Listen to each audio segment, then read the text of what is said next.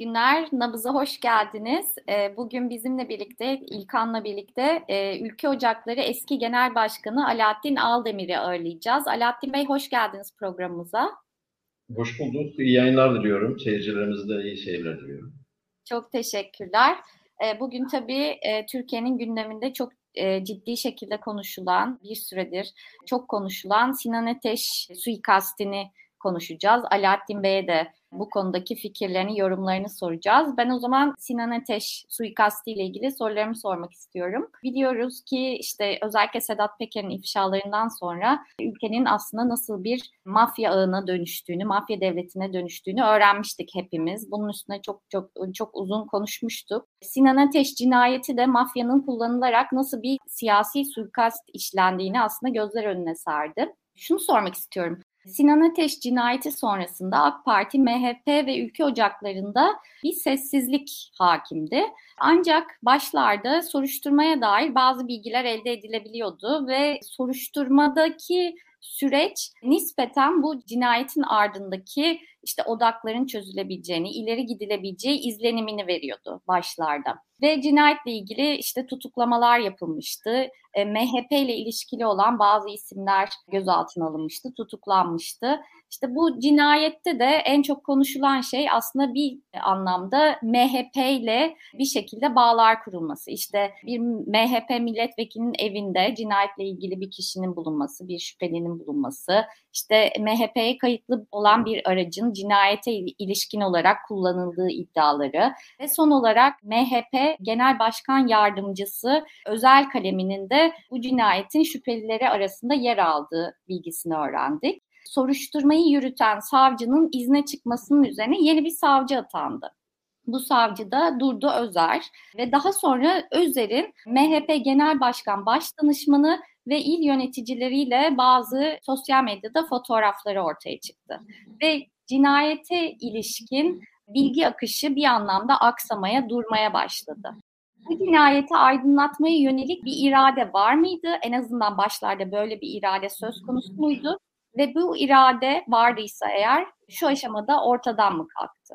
Eğer uzun görürseniz e, bütünden parçaya doğru gelelim.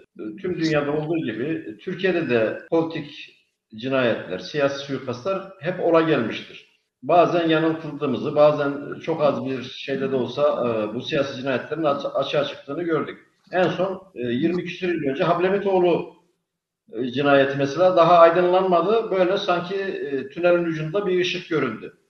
Bu şeyler hep süre gelmiştir. Ama e, şu an Sinan Ateş katline geldiğimiz zaman ben onu kardeş katli olarak görüyorum. Siyasi tarih içerisinde baktığımız zaman bizim literatürümüzde böyle bir şey var. Türk tarihi literatüründe. Bir kardeş katli. Bu kardeş katli olayı topluma mal oldu. Toplumun her kesimi bu işe ilgi duyuyor, kulak kabartıyor. Siyasi partiler, her ne kadar sağdan gelen siyasi partiler bu işe sessiz kalıyorsa bile İşçi Partisi milletvekili bu işe sahip çıkmış. CHP Genel Başkanı bu işe sahip çıkmış. Halk kitleleri bu işe sahip çıkmış. Türk milliyetçilerin büyük çoğunluğu bu işin aydınlanmasını bekliyor.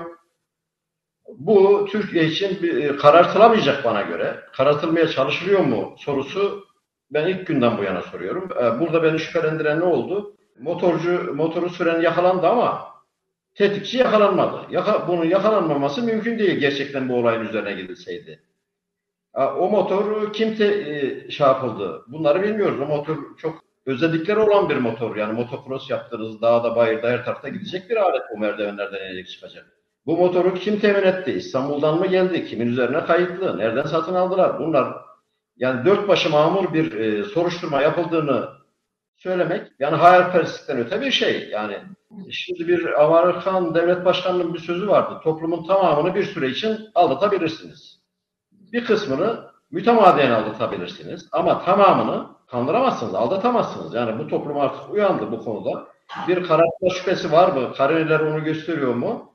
Ya tabii ki gösteriyor. Yani şimdi nereden başlayalım bu işe? Sayın MHP Genel Başkanı Devlet Bey dedi ki MHP'yi yargılat, üçleri yargılatmayız. Bir evladımı bile vermeyeceğim. Ciğer, kaç ciğerin yetiyorsa gel buradan al. Vallahi hiçbirimiz hukukun üstünde falan değiliz. Biz eğer hukuk devletiysek, bir demokrasi, çeyrek porsiyonda olsa demokrasi yaşayan bir ülkeysek, biz hukuka tabiiz hepimiz yani. Hepimiz tabiiz. Ben de tabiyim yurttaş olarak parti genel başkanları da tabi, genel kurmay başkanı da tabi, MİT müsteşarı da tabi. Yani Cumhurbaşkanı da hukuka tabi olması lazım ki biz kendimizi e, koruyalım burada. Bizi koruyacak herhalde ecinileri korumayacak. Hukuk koruyacak bizi. Hukuk dediğimizde yetki, sorumluluk, e, görev alanlarımızın belirlenmesi. Herkesin sorumlu oranda, yetkili, yetkili oranda sorumlu olması hadisesidir yani. Şimdi burada, sadece burada değil mesela bu Urfa'daki Şenyar, Türkiye'de bunlar hep yaşanıyor. Şenyar ailesi var mesela benim hep dikkatimi çektiğim ve uzaktan böyle üzüntüyle, vicdan azabıyla seyrettiğim bir şey. Bir kadıncağız yalnız anam kılıklı bir kadın. Öyle kılıklı derken küçümsemek istemiyorum. Anam da öyledir benim. Yani yazmasıyla oturur, şalvarıyla oturur kalkar işte entarisiyle. Kocası ölmüş, iki çocuğu ölmüş, bilmem ne olmuş. Kadın yıllar adalet nöbeti tutuyor. Bu adalet nöbeti Urfa'daki Şen Yaşar ailesinde şahsiydi. Ama Sinan Ateş'le ilgili bir toplumsal bir adalet nöbeti tutulduğunu düşünüyorum ben vicdanlardan. Şu an ses çıkmıyor ama bu işin karartıldığını görür, görülürse bu işin demokratik zeminde kitleselleşerek devam edeceğini düşünüyorum. E, peki şuna ne diyorsunuz? Meral Akşener bir açıklama yaptı ve Ateş'in ailesinin özel olarak mecliste soru ve araştırma önergesi yapılmaması talep ettiğini söyledi. Meral Akşener de bunu dikkate aldıklarını, saygı duyduklarını söyledi. E, bu cinayetin aydınlatılması açısından önemli bir adım olabilirdi. Aile neden buna karşı çıktı? Sizin yorumunuz nedir? Ailenin bir acı içerisinde, bir şok içerisinde. Tabii ailesi de ülkücü bir aile. Babası da 80. olaylara karışmış ben tanımıyorum ama vurulmuş, cezaevinde yatmış bilmem ne yapmış. Ciddi bir travma içerisinde. Sağlıklı bir şey e, düşünebileceğini şey yapmıyorum. Ben yani öğlen Yemen'de Bursa'da gidip aileyi ziyaret eden bir dostumla görüştüm. Babanın cümlesi şu. Ya gerçekten devletin benim oğlumun gerçek katillerini bulacak mı? Bunu bekliyoruz. Meral ablanın bu şeyini ben hem siyaseten hem hukuk olarak saygı duyuyorum kararlarına. Ailenin böyle bir şey isteyebilir ama bu iş artık aileyi aşan bir şey. Yani tamam ailenin bu şeyi, tamam biz verdik. Ülkeye zarar mı verdik ya mecliste soru önergesi verdiğimizde? Aileye mahalle baskısı olmadığını kim biliyor? Hangimiz biliyoruz? Duygularının sömürülmediğini kim biliyor? Aile bunu söyleyebilir. Ama aile şunu demez herhalde yani soru önergesi verirsin, bu işi dört başı mamur ortaya çıksın. İster herhalde aile yani. Meral ablanın, Meral Hanım'ın, ben abla derim yani tanıştığımız için. Meral Hanım'ın e, bu şeyini aşması lazım. Kesinlikle bu işin içerisinde adalet, adalet nöbetine İyi Partililerin de geçmesi lazım. Sadece İyi Parti'nin değil, Türk Ocakları, Aydınlar Ocağı, ülkücü başka sivil toplum, ya sen, şey, sendikalar var. Kamu sene var, şuyu var, buyu var. Hepsi sessiz. Hepsi sessiz yani. Sinan Bey'le ben beraber çalışmadım. Ama Sinan Bey'in benim iki yüzü var Sinan Bey'in olayını takip etmemde. Bir benim ülküdaşım. Biz Halef Selef'teyiz ama ben Ülke Ocakları Eğitim Kültürü Vakfı'nı kurmuşum, dök, yapmışım. Değil Avrupa'da Türk Dünyası Konfederasyonu yapmışım. Benim karakterim bulduğum bir çizginin içerisinde Ülke Ocakları Genel Başkanlığı yapmış bir insan. Onun ötesinde de adalet nöbeti tutmamız gereken bir Türkiye Cumhuriyeti yurttaşı. Ki bu ikincisi benim için çok daha önemli. Yani bundan sonra benim kendime biçtiğim bir misyon var. Hangi siyasetten kimin başına bir iş gelirse ben bu adalet nöbetinin içerisinde olacağım bir sivil toplumda bir, bir, bir birey olarak yani. Olmak zorundayız. Şimdi eğer olay kapatılırsa bakın bugüne kadar yüzlerce olay oldu bu ülkede bakın yani 20-25 yıldır MHP'yi, MHP'nin politikalarına, işte Devlet Bey'i eleştiren kim varsa saldırıya uğradı, dayak yedi. Anlıyor musunuz? Mahkemeye intikal eden oldu, ol, et, olmayan oldu. Ya Sayın Cumhurbaşkanı'nın gücü, Tayyip Erdoğan'ın gücü bunlarda olsa ne olur acaba? Adam işteyse ya medeni davranıyor. Diyor ki ya bana hakaret etmişlerdir sosyal medyada. Avukatlarına diyor ki ya bunları bir hukuka yönlendirin. Keşke bunlarda biz bir suç işliyorsak buraya karşı bizi hukuka yönlendirsene de mahkemelerde karşılaşsak yani. Ha, dava zarar görmesin. Tabii davanızın ne olduğunu bugünkü benim yani savunduğum davayla bugün Sinan Ateş'e susan insanların davası aynı olamaz bana göre. Bana göre olamaz. Ben CHP'deyim, üyesiyim. Millet İttifakı bileşenleri kimi aday gösterir ki inşallah Kılıçdaroğlu aday gösterilir. Ben istediğim o. Orada da çalışıyorum. Sıradan bir üyesiyim. Hiçbir bekletim de yok. Ama bunda ben hala da ülkücüyüm burada. Buraya sol sosyalist falan olmadım ben geçip yani. yani sosyal demokrasiyi inceliyorum, okuyorum, bakıyorum yani nerelerde ortak yanlarımız var onlara bakıyorum. Evrensel hukuk, evrensel insanlığın kazanımları, insan hakları bunların üzerinde bir uzun süredir kafa yoruyorum. Şimdi eğer Sinan Ateş cinayeti kapatılırsa bu pusuldaki ne diyelim yani kanun dışı güç odakları varsa ki olduğunu da görüyoruz. Cesaret alır. Nasıl olsa kimseye bir şey yapılmıyor. Herkes şahsi hesabını sokakta görmeye başlar. Yani bu da ülkeye hayır getirmez. Bu devlete, bu millete hayır getirmez. Yani Türkiye mafya devleti mi? Hayır, mafya devleti değil Türkiye. Hala henüz değil. Ama mafyanın devlet içinde işbirliği yaptığı belli ekipler, gruplar, insanlar olduğunu gösteriyor bu. Ya Türk polisini, Türk adaletini, Türkiye Cumhuriyeti adaletini serbest bıraksalar bu işin 4 günde, 7 günde, bugün 21. gün bu işlerin çözülür. Bakın çözülür bu işler ya. Ben örnek verdiğim bir şey var. İstanbul'daki o bombalamada Bulgaristan'da yakaladılar getirdiler kaç gün içerisinde.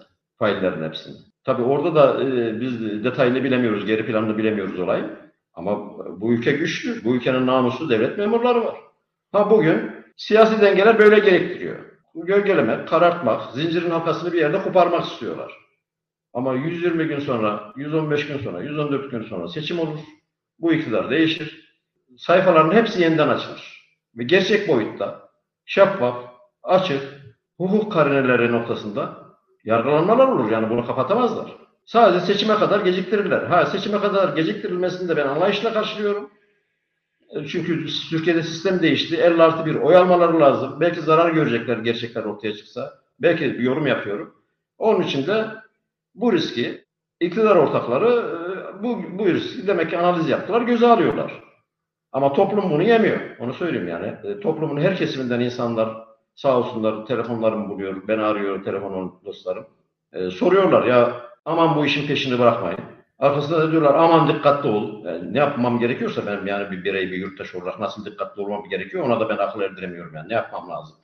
Yani koruma ordusuyla mı gezmem lazım?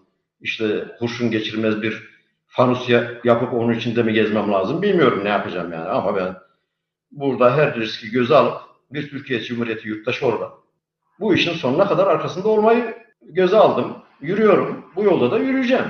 Ha bunu yaparken de MHP zarar görsün. CHP oy kazansın. Namusuma şerefime bunun peşinde değilim bakın. Olmam da düşünülemez.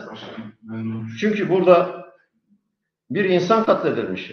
Katledilmiş. Eğer biz buna engel olamazsak hepimiz bu işlere muhatap olabiliriz bak. Bunu bir korkuyla falan söylemiyorum ama böyle bir kaygım var mı? Evet böyle bir kaygım var.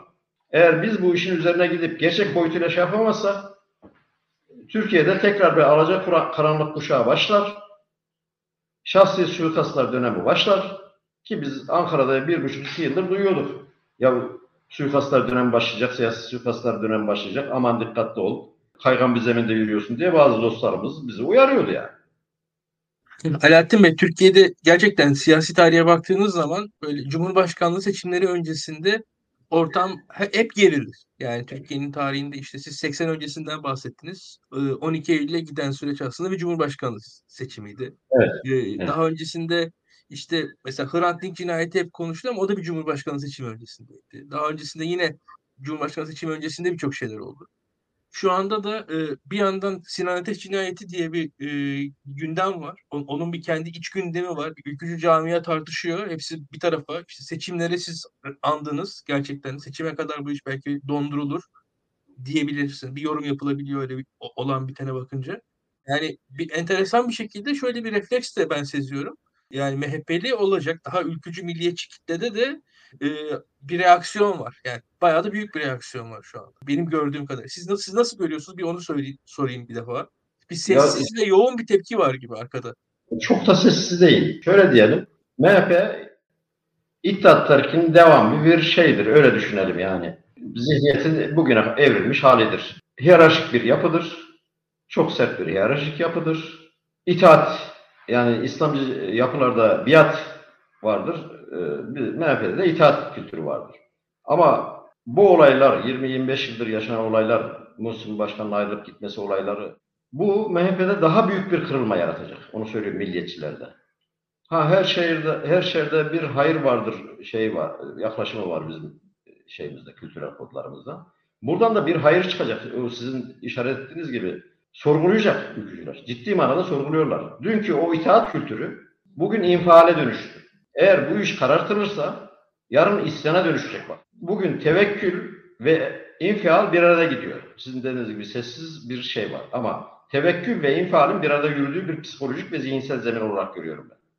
Ama yarın bu isyana gider bak. Burada devlet devletliğini göstermeli, yurttaşlarına eşit davrandığını göstermeli. Bu iş şeffaf yürütülmeli. Şeffaf yürütülmezse bu iş gerçekten ya MHP'ye hiç bulaşmamış dışarıdan yapılsa bile bu iş MHP'nin üzerine kalır bak.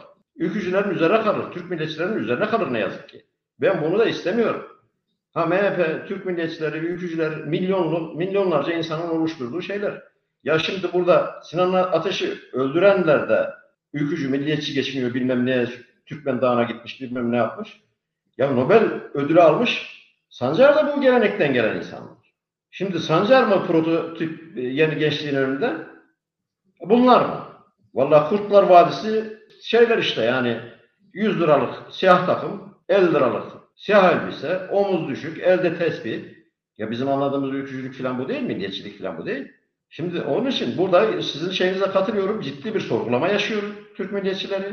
Yani 68 kuşağı, ben 78'liyim, 78 kuşağı bizden sonraki işte 90'lı, 2000'li kuşaklar daha çok sorguluyor. Çünkü bizim kutsallarımız çok fazlaydı.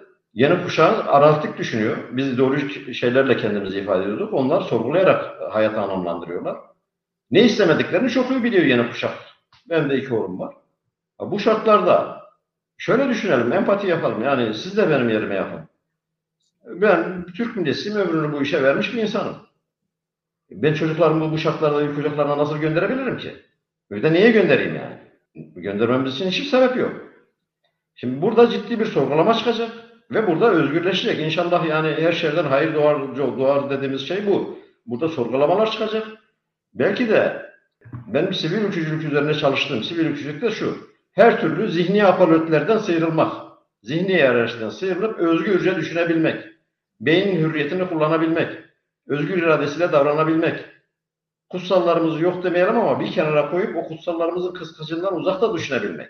Yani bizim kutsalımız fazla. Devlet eleştiremezsin, lider eleştiremezsin, teşkilat eleştiremezsin.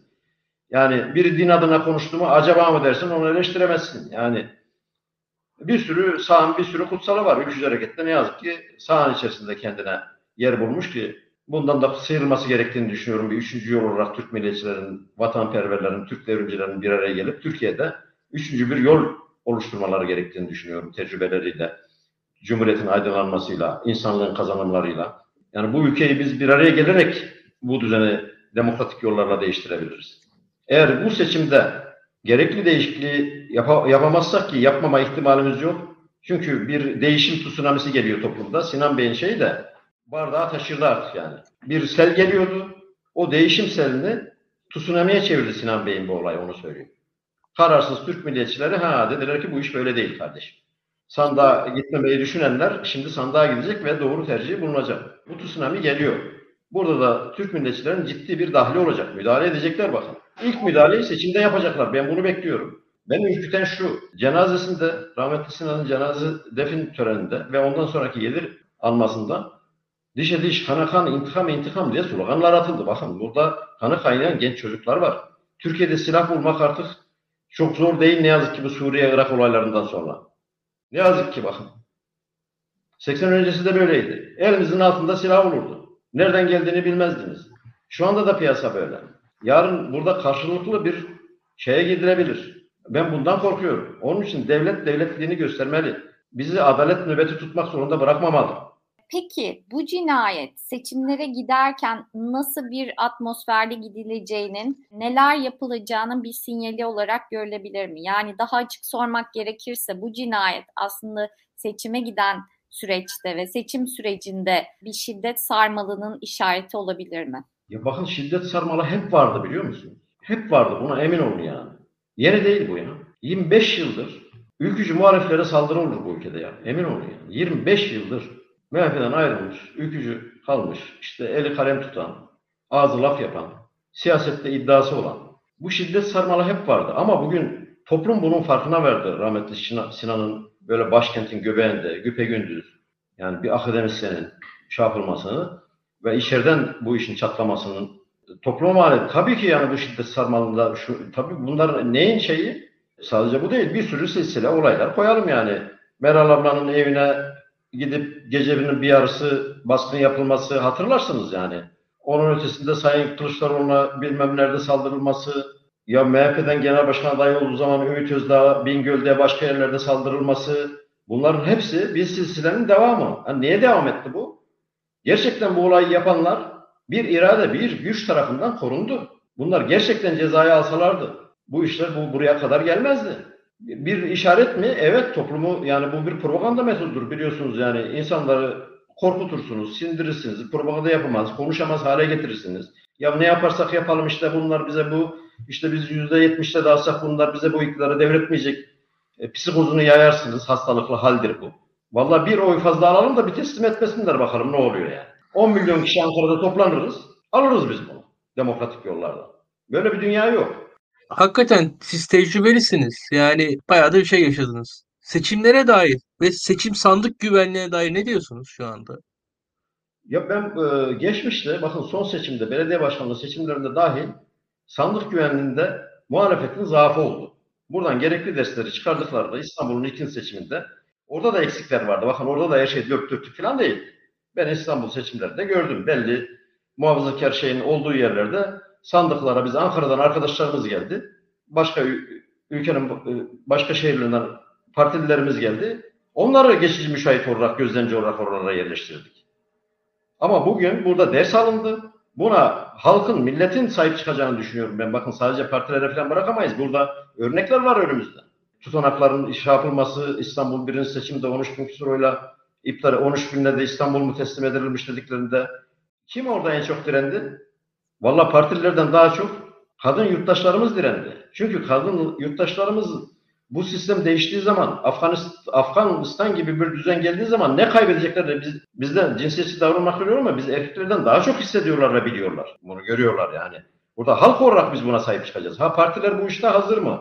Ben hazır olduklarını yüzde yüz değilse de yüzde 85-90 oranında hazır olduklarını görüyorum. A, B, C alternatifleri olduğunu görüyorum. Bu da bir şehir efsanesi. Yani aslında AK Parti kazanmıyor da e, sandıkta alıyorlar. Valla bu şehir efsanesi. Tüm kamuoyu yoklamalarında ben Avrasya anketi falan ciddiye aldığım anketlerdendir. Birçok insanda tanırım anket yapanları. Çünkü hep öngördükleri şey yapmıştır. Bugün alma şansları yok bakın. Hileyle, hileyle, hurdayla alsalar da siyasette bir meşruiyet kavramı var. Meşruiyet. Yani sizin hakkınızın toplum tarafından teslim edilmesi. Hukuk tarafından teslim. Meşruiyet alanları daralıyor. Sinan Bey'in olayı da gerçekten şu anki iktidarın meşruiyet alanını daraltan çok önemli ne diyelim kilometre taşlarından birisi oldu. Evet bir seçim güvenliğinden önce yurttaş güvenliği var ya. Şimdi benim güvenliğim sağlanmazsa, can güvenliğim sağlanmadı. E, şuradan size programdan çıktık evime giderken öldürüldüm. E ne olacak? Sandık güvenliği sağlasanız ne olacak ki? Ben oy kullanamayacağım yani. Seçim güvenliğinden önce vatandaş güvenliğinin sağlanması gerekiyor. Bazı muhalif arkadaşlarımız ya şurada burada işte nasıl ya nasıl yapacağız değil. Geleceğiz. Şu sandıkta görev almak istiyoruz diyeceğiz ya. İşte ya ben büyük akademisyenim gelemem. E pardon. Pardon hep riski biz mi alacağız? Bir de siz olun orada yani. Ne olmuş yani? Bir olu verin yani. Gelin. Hangi partiye gittik yurttaş olarak? Ya biz sandık güvenliği eğitimi almak istiyoruz, görev almak istiyoruz dedi de Millet İttifakı bileşeni partiler yok ya bizim ihtiyacımız yok dedi. Yani burada yurttaş sorumluluğunu da ortaya koymamız lazım. Ya partideki yetkililer tabii ki yetkiler oranında sorumlular bu işten. Ama elleri, ellerinde sihirli değnek falan da yok. Ben çeşitli genel merkezlerde görev yaptım. Ben MHP'de de yaptım. Doğru Yol Partisi'nde de yaptım. Şimdi de CHP'deyim. Çünkü ben meşru bir alan aradım siyasette yani. Meşru alanda kalarak bu sandık güvenliği konusunda kaygılanmakta haklısınız. Ama bu işi korkuya döndürmememiz lazım. Çözüm önerisi şey yapmamız lazım. Alaaddin Bey çünkü şöyle bir şey de var. İstanbul seçimi 3 ay sürdü. Bu seçim belki iki türlü olacak. Arada da bir 15 gün var. O yüzden gerçekten de hafif biraz da o yüzden ürküyoruz. Bakalım yani e, herkese kolay gelsin diye. Peki Alaaddin Bey bir soru daha sormak istiyorum. Bu biraz önce bahsettiğiniz 25 yıldır devam eden şiddet sarmalı ile ilgili. Son dönem özellikle İyi Parti ekibinin MHP'den ayrılmasından sonra belli siyasetçilere ve gazetecilere de dahil olmak üzere pek çok saldırı gördük. Bunlar benzer yöntemlerle yapılan saldırılardı ve saldırganların bir şekilde MHP ile ya da ülke ocaklarıyla bir bağı çıkıyordu. Ancak bu saldırıların hiçbiri bir organize suç olarak yargılanmadı. Hepsi adi suçlar olarak, adam yaralama e, olarak yargılandı. Yani bunların ardındaki motivasyon, azmediciler ortaya bir şekilde çıkarılmadı. Ve bu işte yıllar içine dağılmış bir silsile olarak devam etti. Siz de konuşmalarınızdan birinde e, Kılıçdaroğlu'na yapılan saldırıdan bahsettiniz. Hatta beni başkan, başkanım zor tuttu dediniz. Siz Kılıçdaroğlu'na yapılan saldırıyı diğer bu bahsettiğim saldırılarla uyumlu ve aynı odaktan çıkan bir saldırı olarak mı görüyorsunuz? Ve bu saldırıların ardındaki motivasyon, ardındaki azmettiriciler ortaya çıkarılsaydı Sinan Ateş cinayeti önlenebilir miydi? Kesinlikle önlenebilirdi. Ee, şimdi o günü ben çok iyi hatırlıyorum. Rahatsızdım. Öyle ilaç alıp uzanmıştım. Oğlum Hacettepe'de okuyan oğlum aradı beni. Dedi ki baba genel başkana Kılıçdaroğlu'na saldırı oldu. Hemen biz bir minibüs arkadaş yaptık ve oraya gittik. Ya orada çok değişik şeyler vardı. Ondan sonraki verilen demeçleri, ondan önce verilen demeçler var. Şimdiki Sayın İçişleri Bakanı dedi ki bu Kılıçdaroğlu'nu hiçbir şehit cenazesine sokmayın. Arkasından Devlet Bey dedi ki senin ne işin vardı şehit cenazesinde? Yine pardon demek zorundayım. Yani sizden izin mi alacağız ya? Siz devletten güçlü müsünüz? Devletin gerçek sahibi sizsiniz de biz burada tiyatro falan mı oynuyoruz yani demokratik bir devlet görüntüsünde? Şimdi bunlar masum masum demeçler mi yani? Peki ondan sonra orada kaymakamlık yapan beyefendi iki gün önce nereye atandı? Ben söyleyeyim. AFA'da başkan yardımcısı yapıldı. Taltif edildi. Peki oradaki hakimler bilmem kimler neydi? AK Parti'de ilçe başkanlığı yapmış, bilmem ne yapmış insanlardı. Peki oradaki gayrimeşru kılıklı adamlar gittiler, o yumruk atan inek hırsızı diyelim. Onun elini öptüler. Arkasından da makineli tüfeklerle fotoğraf çektirdiler. Sayın Bakanım burada vuralım, öl de ölelim, öldürelim. Hangi bakandı bu? Vallahi ben falan değildim. Sayın Kılıçdaroğlu da değildi. Sayın Akşener de değildi. Sayın Davutoğlu da değildi. Şimdi ne tedbir alındı? Peki buna tedbir almak isteyen hakiki devlet görevlileri, hakiki emniyet güçleri, hakiki savcılar bir baskı altındalar mı? E, tabii ki baskı altındalar diye ben yorumluyorum. Ya şimdi bu konunun üzerine bir savcı kendiliğinden gitmek istese torba belli abi. FETÖ'cü. Rahmetli Sinan'a bile bunu demediler mi? Peki FETÖ'cü olabilir Sinan. Siz de atlamış olabilirsiniz. Ya her FETÖ'cünün sokak ortasında öldürülme şeyi mi var? Birilerine hak mı vermiyor? Ben cemaat yani haklı falan haksız noktasında söylemiyorum. Bir soru soruyorum. Gerçekten her Fethullah Gülen tarafından aldatılmış insanımızı öldürmemiz falan mı gerekiyor? Bu nasıl bir zihin, kirli bir zihin yapısı? Sonra şiddetten başka bir diliniz yok mu sizin? Ya hala bize hakaret ediyorlar. Bilmem nereye gitmiş eskinin bilmem neleri. Ya bırakın kardeşim bir, bir akıllı olun ya, bir sakin olun ya. Bir ahlaklı olun, bir edepli olun, bir hakkaniyetli olun. Evet bir silsilenin devamı mı? Devamı. Bir yerde bu iş kesilmeli miydi? Evet kesilmeliydi. Ben diyorum ki dün bugüne kadar kesemedik. Bugün Sinan Bey'in soruşturmasında bu işi kesmeliyiz. Ha kesmedik. Valla seçime kadar hepimizi öldürecek halleri yok. Muhaliflerin hepsini öldürecek, sindirecek halleri yok. Burası 1939'ların, 34'lerin Almanyası değil. Biz bu ülkede uzun bıçaklar gecesinin yaşanmasına müsaade etmeyeceğiz. Taktiklere bakıyorum. Tam SS'den önceki SA'nın kahverengi gömleklerin metotları. Faşist Mussolini'nin kara gömleklilerinin metotları. Ya bir bırakın 100 yıl öncenin metotlarıyla nereye gidiyorsunuz kardeşim? Bakıyoruz Stalinist yaklaşımlar. Yani sağ görünüyorlar ama yaklaşımlara bakıyorum. Rakipleri şiddetle sindirelim. E Stalinizmin özelinde de bu var yani. Mussolini'nin özelinde de, faşistlerin özelinde de bu var. Biz otoriter, diktatör bir yapı olduk da bunun farkında değil miyiz? Bakın yani genel bir şeye yine girmek istiyorum. Türklerin Müslümanlığı kabul, kabul edilmesi, kabul etmesinin Türk tarihinde önemli bir sıçrama noktası olduğu söylenir. En az o kadar önemli sıçrama noktası nedir biliyor musun? Türkiye Cumhuriyeti Devleti'nin 46'da demokratik düzene geçmesidir. Bakın NATO'ya girmesidir demiyor. Demokratik düzene geçmesidir. İktidarı saray derbesi olmadan, kardeş katli olmadan, şey, yani tam demokrasi olmasa bile katılımcı, sivil, çoğulcu demokrasi olmasa bile ilkel demokrasiyle bile değiştirme becerisi gösterebilmesidir Türk dünyasında ve İslam dünyasında. Bir buçuk iki milyarlık nüfusta. Şimdi bu bizim için çok kıymetli. Bunu ortadan kaybetmememiz lazım. Bu imajımızı ortadan silmemiz lazım. Bizim insanlığa, insanlık tarafından ciddi alınmamızın sebeplerinden biri de budur. Biz teknoloji falan üretmiyoruz bakın ya. İnsanlığa katkımız burada olacak bizim. Yani bu ben ya Sinan'la o işin daha çok alakası var. Eğer demokratik bir toplum değilsek söyleyecekler demokratik bir toplum değiliz kardeşim. Biz Kuzey Kore gibi bir toplumuz. E biz de bileceğiz ki ya bura totaliter bir yapı bir gece gelip götürüp bir yerde bizi kurşuna dizebilirler. Ona göre yaşayacağız. Biz oyunu demokrasinin kurallarına göre oynuyoruz. Hukukun dışına çıkmadan oynuyoruz. Ama siyasi rakiplerimiz bizi düşman olarak görüp imha edilmesi gereken kavramlara indirgemişse vallahi bizim de yapacağımız seçime kadar sabredip seçimde gereğini yapmak. Peki şeyi sormak istiyorum size Alaaddin Bey. Kılıçdaroğlu biliyorsunuz e, yakın bir zamanda şöyle bir açıklama yaptı. CHP'de çok sayıda ülkücü arkadaşımız var, gerçek ülkücüler onlar diye. Ve bu sözler aslında CHP kitlesinden ciddi bir tepki gördü. Çünkü CHP'nin kitle, kitlesi ülkücü bir kitle değil. CHP'de farklı bir kitle var. Ben de bundan yola çıkarak size sormak istiyorum. Siz e, neden CHP'desiniz bir ülkücü olarak ve CHP'de neyi temsil ediyorsunuz?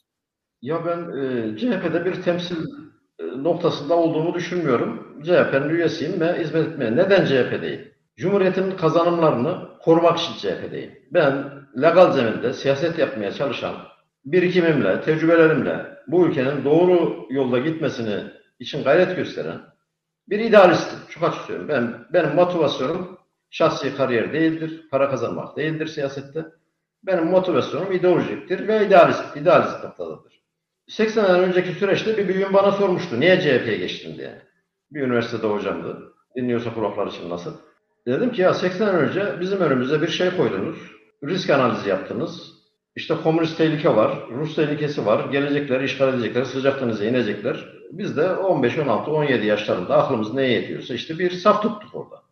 Ama şimdi kendi aklımızla Türkiye'de bir tehlike görüyoruz. Ben bir tehlike görüyorum. Bir hilafet oyunu oynandığını görüyorum. Bunu da demokratik yollarda çözmemiz gerektiğini düşünüyorum. Bunun için de yani siyaset neyle yapılır? Partilerle yapılır. Partiler e, fikri, kadroları iktidara taşımanın araçlarıdır. E, CHP'den başka da gidip bu işi yapacağımız legal bir zemin yok. Ha ben şunu dayatmıyorum yani CHP'deki herkes ülkücü olsun. Vallahi böyle bir şey yok. CHP kitle partisi burada ülkücü de olabilir. Bir HDP seçmeni de gelip olabilir. Bir AK Parti'ye oy veren mütedeyyin Müslüman da olabilir.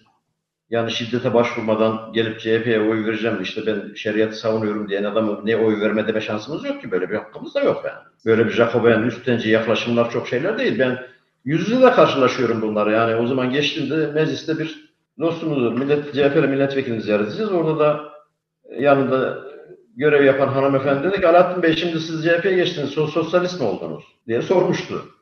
Üzerinde de Mustafa Kemal'in resmi vardı arkasında. Dedim ki o üzerindeki resim sos sosyalist miydi?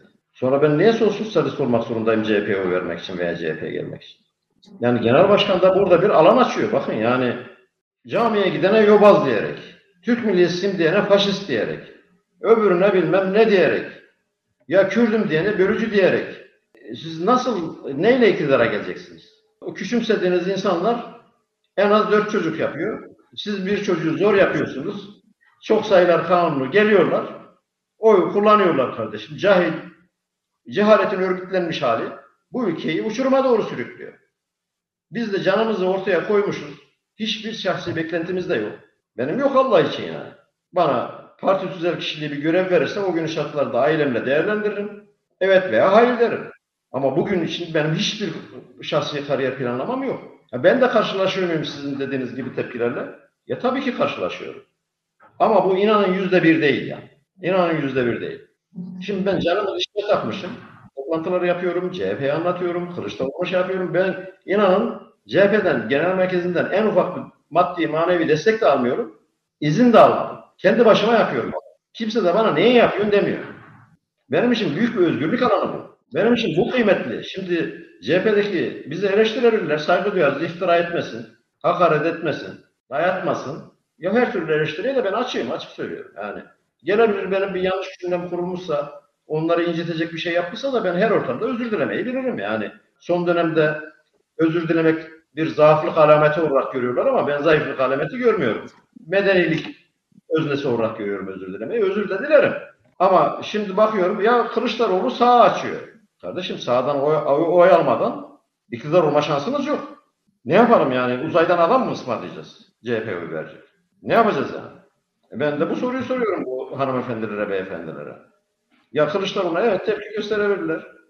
Şimdi beni de CHP'ye geçmiş işte kariyer peşinde olan sağcılarla falan karıştırmasınlar. Ben burada Cumhuriyet'in kazanımları için bir mücadele vermek için buradayım. Ben iyi bir atletim, iyi bir koşucuyum. Kendime güvenirim. Koşacağım yer yoktu siyaseten. CHP benim için koştuğum bir stadyum ya. Meral Akşener'den Meral ablayı diye bahsettiğiniz için ve İyi evet. Parti'de hani ülkücü gelenek olduğu için CHP'de buna bu çok sık rastlanan bir durum olmadığı için o yüzden özellikle evet. sordum. Hani neden İyi Parti değil de CHP'yi tercih ettiniz diye. Çok teşekkür ederim. Yani ya ben ilk çocukluk yıllarımdan bu yana çok yani bunu lütfen kimse yanlış anlamasın. Çok okuyan biriyim yani. Yolda yürürken okurum, uyumadan okurum. Bir duş alırken okumam veya sohbet ederken uyurken okumam. Okumalarım beni şuraya getirdi. Yani rahmetli Atilla İlhan abiyle de biz zaman zaman aracılarla veya yüz yüze görüşürdük. Ya bu Cumhuriyet'in aydınlanmasından faydalanmış Türk milliyetçileriyle Türk devrimcileri nasıl bir araya getiririz? Ülkenin kurtuluşu bu yetişmiş insan sermayesinde ve bu tecrübeyi bir araya getirmekte diye düşünürdük 90'lı yıllarda. Ben Ocak Genel Başkanı'yken de bu, bu şekilde düşünürdüm açık söyleyeyim yani. Nasıl bir araya getiririz? Bunlar çok rahat da anlaşabilirler. Yani biz bir oturup bir Marksistle niye anlaşamayayım? Benim ne şeyim var ya adam Marksist savunabilir. Gayet doğal. Bir yani HDP niye anlaşamayayım? Anlaşmamam için sebep yok ki. Bana dayatmasın bazı şeyleri. Her şeyi konuşabiliriz abi. E, bölünmek istiyoruz devlet. E, tamam nasıl yapacaksınız diye sorarım ben yani. Şimdi bu noktadayız. Şimdi neden iyi Parti'de değiliz? Ben bir ezberi bozmaya çalıştım. Bir ezberi bozmaya çalıştım. Meral abla dinliyorsa şahitlerimiz de var. MHP Genel Başkanı adayı olmadan dedim ki Meral abla Türkiye'nin Türkiye'de Demirel'in arazisi boş. Özal'ın arazisi boş. Rahmetli Ecevit'in arazisi boş. MHP olmasına rağmen Türkeş'in arazisi boş. Gelin yeni bir parti kuralım. Merkeze hitap edecek. Çünkü her seçimden sonra Türkiye 60'lardan bu yana her seçimden sonra gelen parti biraz daha sağ muhafazakar hale geldi. Bir şey kuralım. Türkiye'de yani merkezi temsil edecek bir şey kuralım. Yani Meral abla kurmadı. Daha sonra da İyi Parti'yi kurdu. Yani ben benim davam ben ülkücüyüm, Türk milliyetçisiyim ama benim davam sadece bir partiyi şey yapmak değil. Cumhuriyetin kazanımlarını korumak. Çok net söylüyorum. Cumhuriyetin kazanımlarını kaybettiğimiz gün bizim Afganistan'a dönmemiz 15 gün sürer. Bakın 30 gün değil. En fazla 30 gün sürer. Öyle her şey konfor alalım da insanlar gerçekten bir şey olmayacağını falan zannediyor. Gerçekten bu imkanların içerisinde olduğu için. Ama ben bu İslam adına davranan cahil yapıyla 77'den 17 yaşından bu yana ülkücü hareketin ve genel sahanın içerisinde mücadele eden bir ekibin şu an konuşan temsilcisiyim. Öyle görünüyor. Bizim için bu demokratik kazanımlar hayatımız kadar önemli. Oksijen kadar, nefes aldığımız oksijen kadar önemli. Onun için şimdi İyi Parti, MHP, şu, bu değil. Hepimiz bir araya geleceğiz. Ve bu cumhuriyeti yok olmaktan kurtaracağız. İyi Parti'deki insanlara da saygı duyuyorum. Niye CHP'ye gelmediler demiyorum. Ama benim için çok kolay olurdu ve misyonumu yerine getirmemiş olurdum. Tepkisel davranmış olurdum. Benim CHP'de davranmam tepkisel değil. Bir hedefe yönelik. Alaaddin Bey, biraz önce söylediğiniz bir şeyle ilgili bir parantez açmak istiyorum. Siz işte Buyurun. belli kişilerin işte ideolojisini işte eleştirdiğiniz kişilerin çok çocuk yaparak işte onların çocuklarının da oy verdiğini vesaire gibi bir açıklamada bulundunuz. Bir kere şöyle bir şey var. Herkes istediği kadar üremekte ya da hiç ürememekte özgür. İkinci olarak da benim özellikle gençlikle ilgili çalışmalarım oldu. Gençler ailelerin ideolojilerini illaki taşıyorlar diye bir durum da söz konusu değil. Yani belli bir ideolojiye sahip insanların çocuklarını onların ideolojilerinin taşıyıcıları olarak görmek, o insanları birey olmaktan çıkarmak demek. Dolayısıyla bu söylediklerinize katılmadığımı eklemek istedim. Bir de e, size son olarak şeyi sormak istiyorum. E, biliyorsunuz bugün 19 Ocak. Hrant Dink'in evet. ölümünün 16. yıl dönümü. Kendisi de Sinan Ateş gibi sokakta katledilmişti. Sizin yalnız Tele1 yayınında sarf ettiğiniz biz bu ülkeye hizmetten başka ne yaptık? Hadi Hrant Dink Ermeni'yi de öldürüldü ama bizi niye öldürmeye çalışıyorsunuz gibi bir ifadeniz oldu. Ben bunu size belki de açıklamak istersiniz diye sormak istiyorum. Çünkü bu sözlerden anlaşılan hani sizin ideolojiniz, e, işte milliyetiniz, inancınızdan olmayan kişilerin başına şiddet gelmesinin mazur görülmesi anlamına geliyor. Siz bu sözlerinizle ne kastetmiştiniz, ne demeye çalışmıştınız? Ya orada aslında derdimi tam anlatamadığımı gördüm. Daha sonra da orada beni moderatör de uyardı. Orada yanlış anladıysam özür dilerim de dedim ya öyle hatırlıyorum. Sonra bu işi cımbızla çeker gibi. Ama benim önceden bir bütünlük içerisinde bakarlarsa Hrant Bey e, öldürüldüğü zaman rahmetli, rahmetli dememde bir sakınca yok. Ben TRT'de program yaptım ya. Hrant Bey'in neden öldürüldüğünü, neden öldürülme, neden bunun yapıldığını, bizim yurttaşımız olduğu noktasında. Ben başka programlarında Hrant Bey'e rahmetli sahip çıkamadığımız için bugün bunlarla muhatap oldum. Ben orada yani beni yanlış anlayanlar da suçlamak gibi düşünmeyin de kendi derdimi anlatamadığımı düşünüyorum. Ama bir yanlış, yanlış anlaşılma varsa da bu benden kaynaklanıyor. Özür dilerim. Yani bazıları diyor ki ya şuur altını verdi. Ya o da olabilir. Böyle bir kültürün içerisinden geldim ben ama böyle bir e, ne diyelim yani bir şey varsa bunu da kendi içinde tedavi etmeye çalışan bir e, bireyim ben yani. Yüzde yüz öyle yanlış anlayanlar varsa hepsinden de özür diliyorum ama derdim o değil. Aslında orada nasıl ifade edeyim şimdi yine yanlış anlaşılmaktan korkuyorum yani. Yani şeyin öldürülmesi mazur değil ama bir mazeretiniz var. Ne diyorsunuz? İşte Ermeniyi ötekileştirmişsiniz. Bunlar bize bir katliam yaptı bilmem ne. O ötekileştirme üzerinden bunu katlediyorsunuz. Burada bir meşruiyet alanı oluşturmaya çalışıyorsunuz ki çok yanlış bir şey bu yaklaşım bu. Ben hiç kabul etmediğim bir milletçilik ve devletçilik anlayışı. Rahmetli Muhsin Yazıcıoğlu ne dedi o zaman? Ya bizim tarlamızı sürmüşler bir de ikilemişler. Ya ben o zaman yani isim vermek istemiyorum. Milletvekili oldu daha sonra bir partiden dostum. Dedim ya bu Hrant'la tanışıyor musun? Çok üzerlerine gidiyorlardı. Tanışıyorum dedi. Ya dedim bunun başına bir iş gelecek. Bunun yanına birkaç tane arkadaş verelim ya. Gidelim bir görüntü verelim. Bunu samimi söylüyorum bakın duygu sömürüsü falan yapmıyorum. Şimdi eşinin hanımefendinin ismi aklıma gelmiyor. O gün cenazede kaldırıldı. Herakan. Ya ey sevgilim diye başlayan şey var ya. Buna emin olun televizyonda seyrederken ben gözler gözyaşları dökmüş bir insanım. Çok açık söyleyeyim. Duygu sömürüsü falan yapmıyorum ben. Benim için en büyük kimlik ne biliyor musun? Türkiye Cumhuriyeti yurttaşı olmak hangi ırktan geldiği, hangi etnikten geldiği, hangi mezhepten, dinden geldiği, hangi cinsel tercihte bulunduğu beni ilgilendiren işler değil ki ya. Hukuku ilgilendiren işler de değil.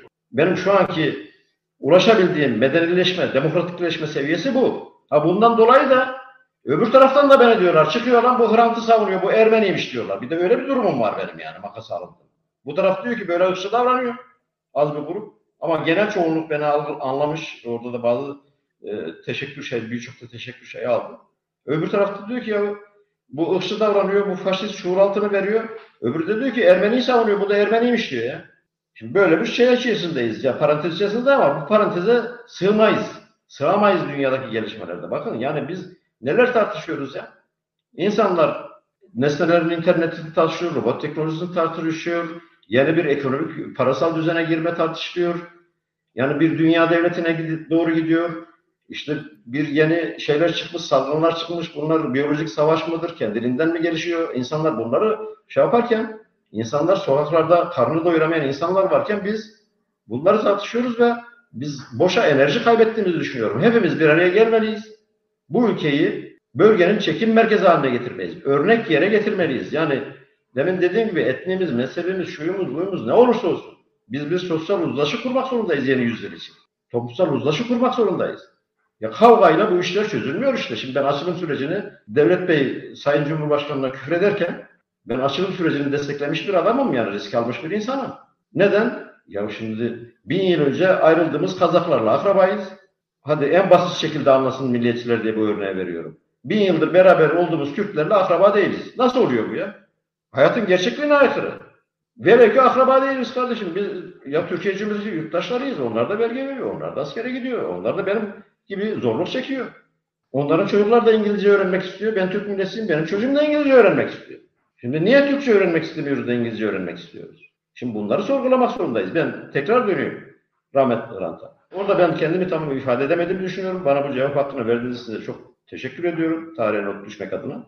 Yani eğer o gün bir de çok rahatsızdım. Ciğerlerimi üşütmüştüm. Yani İstanbul'da bir programa katıldığım için ilaç da almıştım. Ha, yorumlama hakları var. Tabii şuur altını verdi. Valla onlara da saygı duymak durumundayım. Ne diyeyim ben yani? Herkesi ikna etmek gibi bir zorunluluğum da yok. Ya ben öyle görüyorlarsa da ne yapayım? Ben olduğum gibi görmek zorundayım yani. Ben rol yapamam bu zaten. Rol yapamam yani ultra demokrat, ultra liberal bir insan falan da değilim. Benimle hiç kimse ülkemin bölünmesini tartışamaz. Tartışırım ama buna müsaade etmem. Niye bölünmek istiyor? Ya şu şu sebeplerden. Bu sebepleri ortadan kaldırsak birlikte yaşayabilir miyiz diye sorarım. Yok yaşayamayız. Ne olursa olsun ben kendi bilmem neyimi kuracağım. Orada da gerekirse pot rejim gibi yaşayacağım. O zaman ben müsaade etmem. Benim demokratlığım oraya kadardır. Benim ülkemin bölünmesine müsaade etmem. Açık söylüyorum. Benim demokratlığım da orada biter yani. Yine hukukun dışına çıkmam. Yine hukukun dışına çıkmam.